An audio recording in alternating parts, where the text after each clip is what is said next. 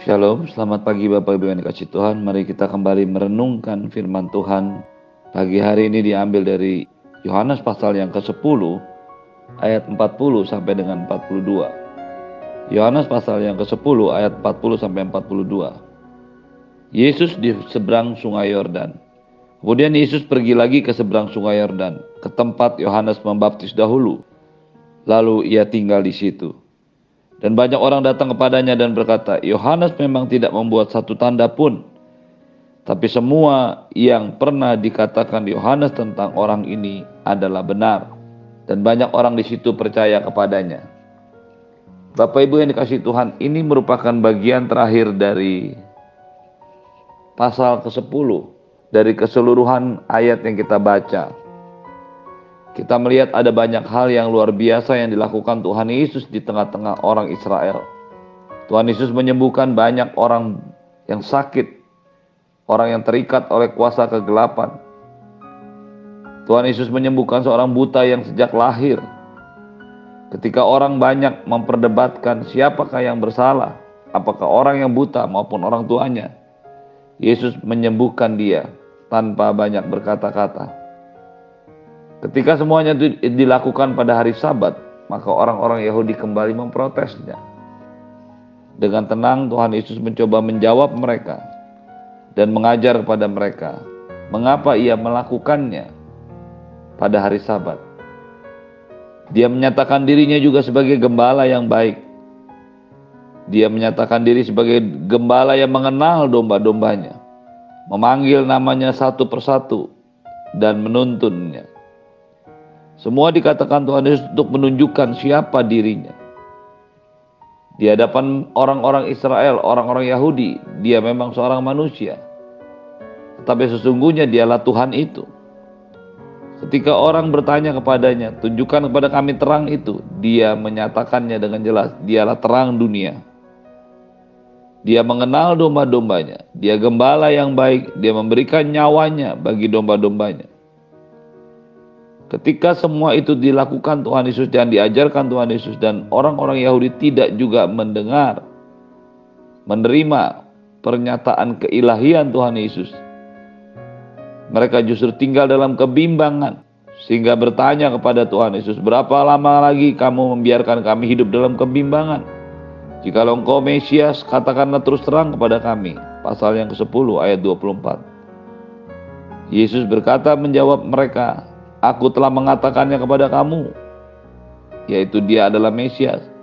Namun kamu tidak percaya. Pekerjaan-pekerjaan yang kulakukan di dalam nama Bapakku, itulah yang memberi kesaksian tentang aku. Kalaupun mereka tidak percaya kepada Yesus, tapi pekerjaan-pekerjaan yang dilakukannya atas kehendak Bapa, itulah yang memberi kesaksian kepada dia. Bahkan dengan tegas Tuhan Yesus mengatakan, domba-dombaku mendengar suaraku dan aku mengenal mereka dan mereka mengikut aku. Aku memberikan hidup yang kekal kepada mereka dan mereka tidak pasti tidak akan binasa sampai selama-lamanya. Ketika Tuhan Yesus menjelaskan siapa dirinya, dia gembala, dia Mesias, dia Tuhan. Tetapi orang-orang Yahudi sekali lagi mereka tidak percaya. Bahkan ketika Tuhan Yesus mengatakan, aku dan Bapa adalah satu, orang-orang Yahudi berniat untuk mengambil batu dan melempari Yesus. Menghadapi semua itu Tuhan Yesus menyatakan, pekerjaan manakah yang menyebabkan aku layak untuk dilempari batu? Orang Yahudi berkata, bukan karena pekerjaan baik, maka kami melempari engkau dengan batu. Melainkan karena engkau menghujat Allah. Karena engkau walaupun seorang manusia menyamakan dirimu dengan Allah. Semua ini menunjukkan bahwa orang-orang Yahudi tidak mampu mengenali Yesus, tidak mampu mengenali Yesus sebagai pribadi yang ilahi. Mereka mendengar semua yang dikatakan Tuhan Yesus. Mereka melihat semua yang dilakukan Tuhan Yesus. Tapi mereka tidak mau mengakui keilahian Tuhan Yesus. Mereka hanya melihat Yesus sebagai sosok manusia belaka sama seperti mereka Walaupun demikian Tuhan Yesus dengan sabar mengajar mereka. Tidakkah kamu tahu dalam kitab Taurat kamu?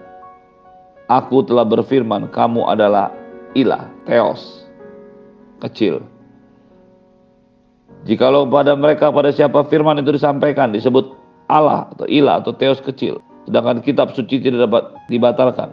Masihkah kamu berkata kepada dia yang dikuduskan oleh Bapa dan telah diutusnya ke dalam dunia, engkau menghujat Allah? Karena aku telah berkata kepadamu, aku anak Allah. Bapak ibu saudara yang dikasih Tuhan, hal ini menunjukkan bahwa Tuhan Yesus melakukan semua kebenarannya menurut apa yang ditulis dalam kitab suci, kitab para nabi maupun Taurat. Dia mengutip Pemasmur 82 ayat 6 yang mengatakan aku sendiri telah berfirman kamu adalah Allah dan anak-anak yang maha tinggi kamu sekalian. Kata ini menunjukkan bahwa Tuhan menyatakan dirinya manusia adalah anak-anaknya. Hubungan yang sangat intim dan dekat ini tidaklah berarti bahwa kita adalah Allah sama seperti Bapa di surga. Kita adalah anak Allah. Kita adalah Allah. Theos dalam huruf kecil. Hal ini menunjukkan mereferensikan di dalam ayat yang pertama dalam kitab Mazmur pada saat Allah berfirman dalam sidang ilahinya. Kata Allah di sini sesuai dengan gaya bahasa rabinik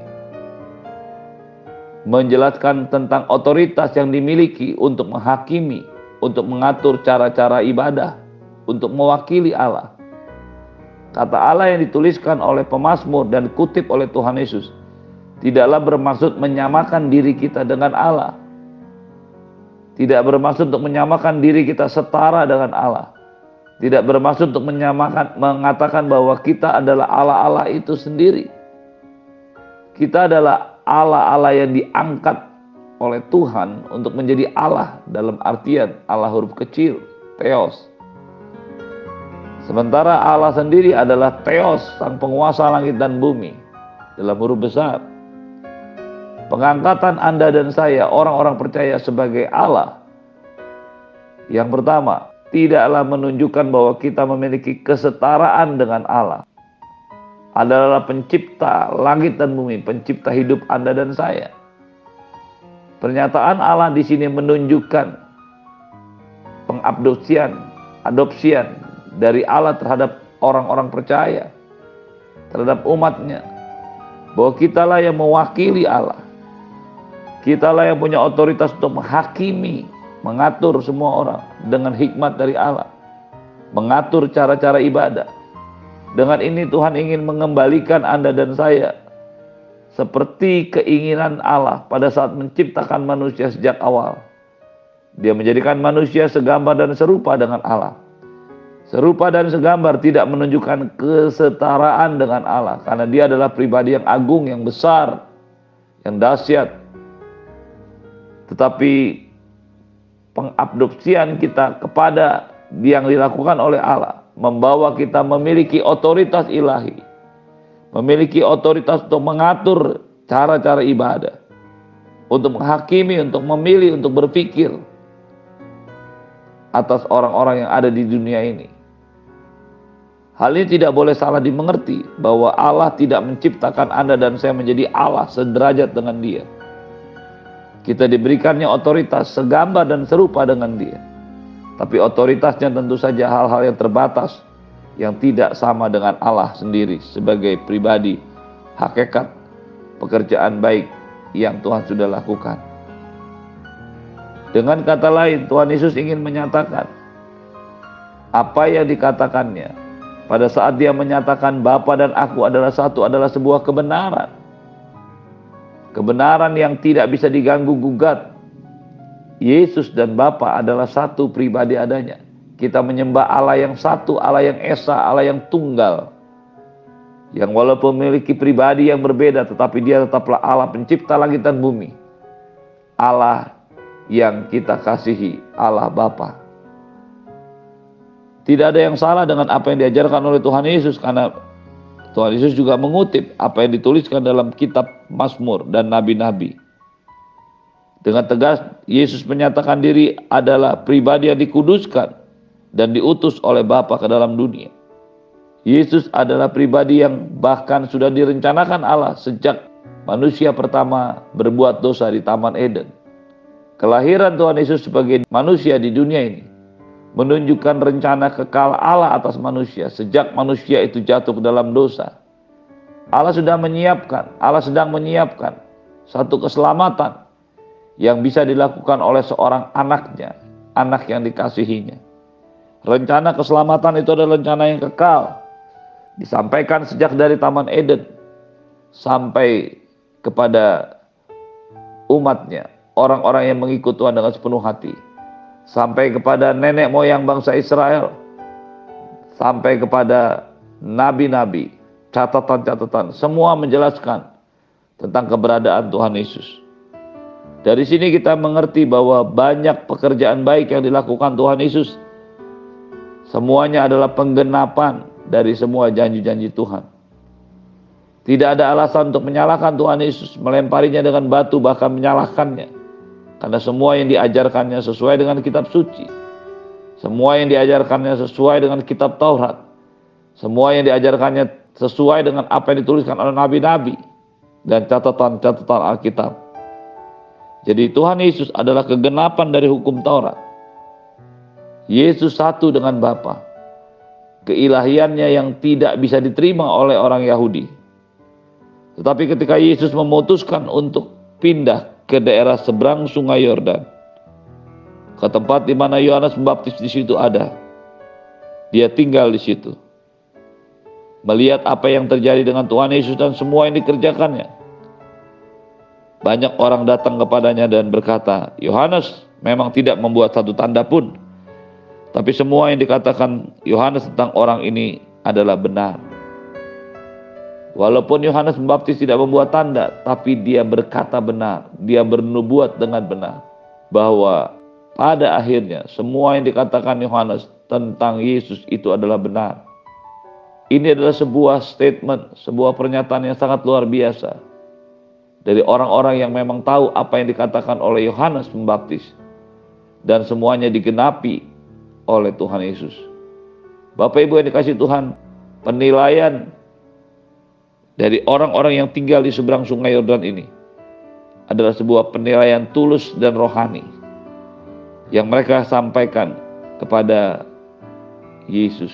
Dengan tegas mereka berkata, semua yang pernah dikatakan Yohanes tentang orang ini adalah benar. Dengan kata lain, semua yang dinubuatkan, semua yang dikatakan oleh Yohanes yang dikutip dari kitab nabi-nabi maupun Taurat tentang Yesus itu digenapi. Ini adalah sebuah hal yang sangat luar biasa. Karena tuntutan dosa dari hukum Taurat sudah dibayar oleh kematian Tuhan Yesus. Ketika dia melakukan semuanya dengan benar. Bahkan apa yang dituliskan oleh Yohanes Pembaptis, semua yang dikatakan oleh Yohanes Pembaptis tentang Yesus, semuanya digenapi. Ketika melihat hal itu, banyak orang menjadi percaya kepadanya. Bapak Ibu yang dikasih Tuhan, Kekristenan adalah kumpulan kehidupan hari demi hari. Kekristenan bukanlah sekedar teori atau kumpulan dogma atau doktrin. Tapi kekristenan adalah sebuah kehidupan nyata hari demi hari bersama dengan Tuhan. Kita harus bisa memastikan yang pertama, mampu mengenali Yesus sebagai pribadi yang diutus Allah. Kita harus mengenalnya sebagai pribadi yang adalah Allah sendiri dan kita harus belajar melihat semua pekerjaan yang dilakukan Tuhan Yesus. Ketika Anda dan saya melihat semua yang diajarkan Tuhan Yesus dan semua yang dikerjakannya dalam pelayanannya, tidak ada pilihan lain selain percaya bahwa Yesus itu adalah Tuhan, pribadi Allah sendiri. Yesus adalah pribadi yang disiapkan Allah untuk keselamatan Anda dan saya. Pastikan Anda dan saya selalu bersama-sama dengan Yesus di mana pun apa pun yang kita kerjakan sepanjang tahun ini, sepanjang waktu-waktu yang lampau. Teruslah berjalan bersama-sama dengan Tuhan. Dia akan menuntun Anda dan saya. Dia akan mengerjakan pekerjaan-pekerjaan yang diutus Bapaknya. Dan itu adalah pekerjaan Anda dan saya saat ini. Terus berjalan bersama-sama dengan Tuhan Yesus. Terus melakukan pekerjaan-pekerjaan yang besar bersama-sama Tuhan Yesus. Terus percaya kepadanya.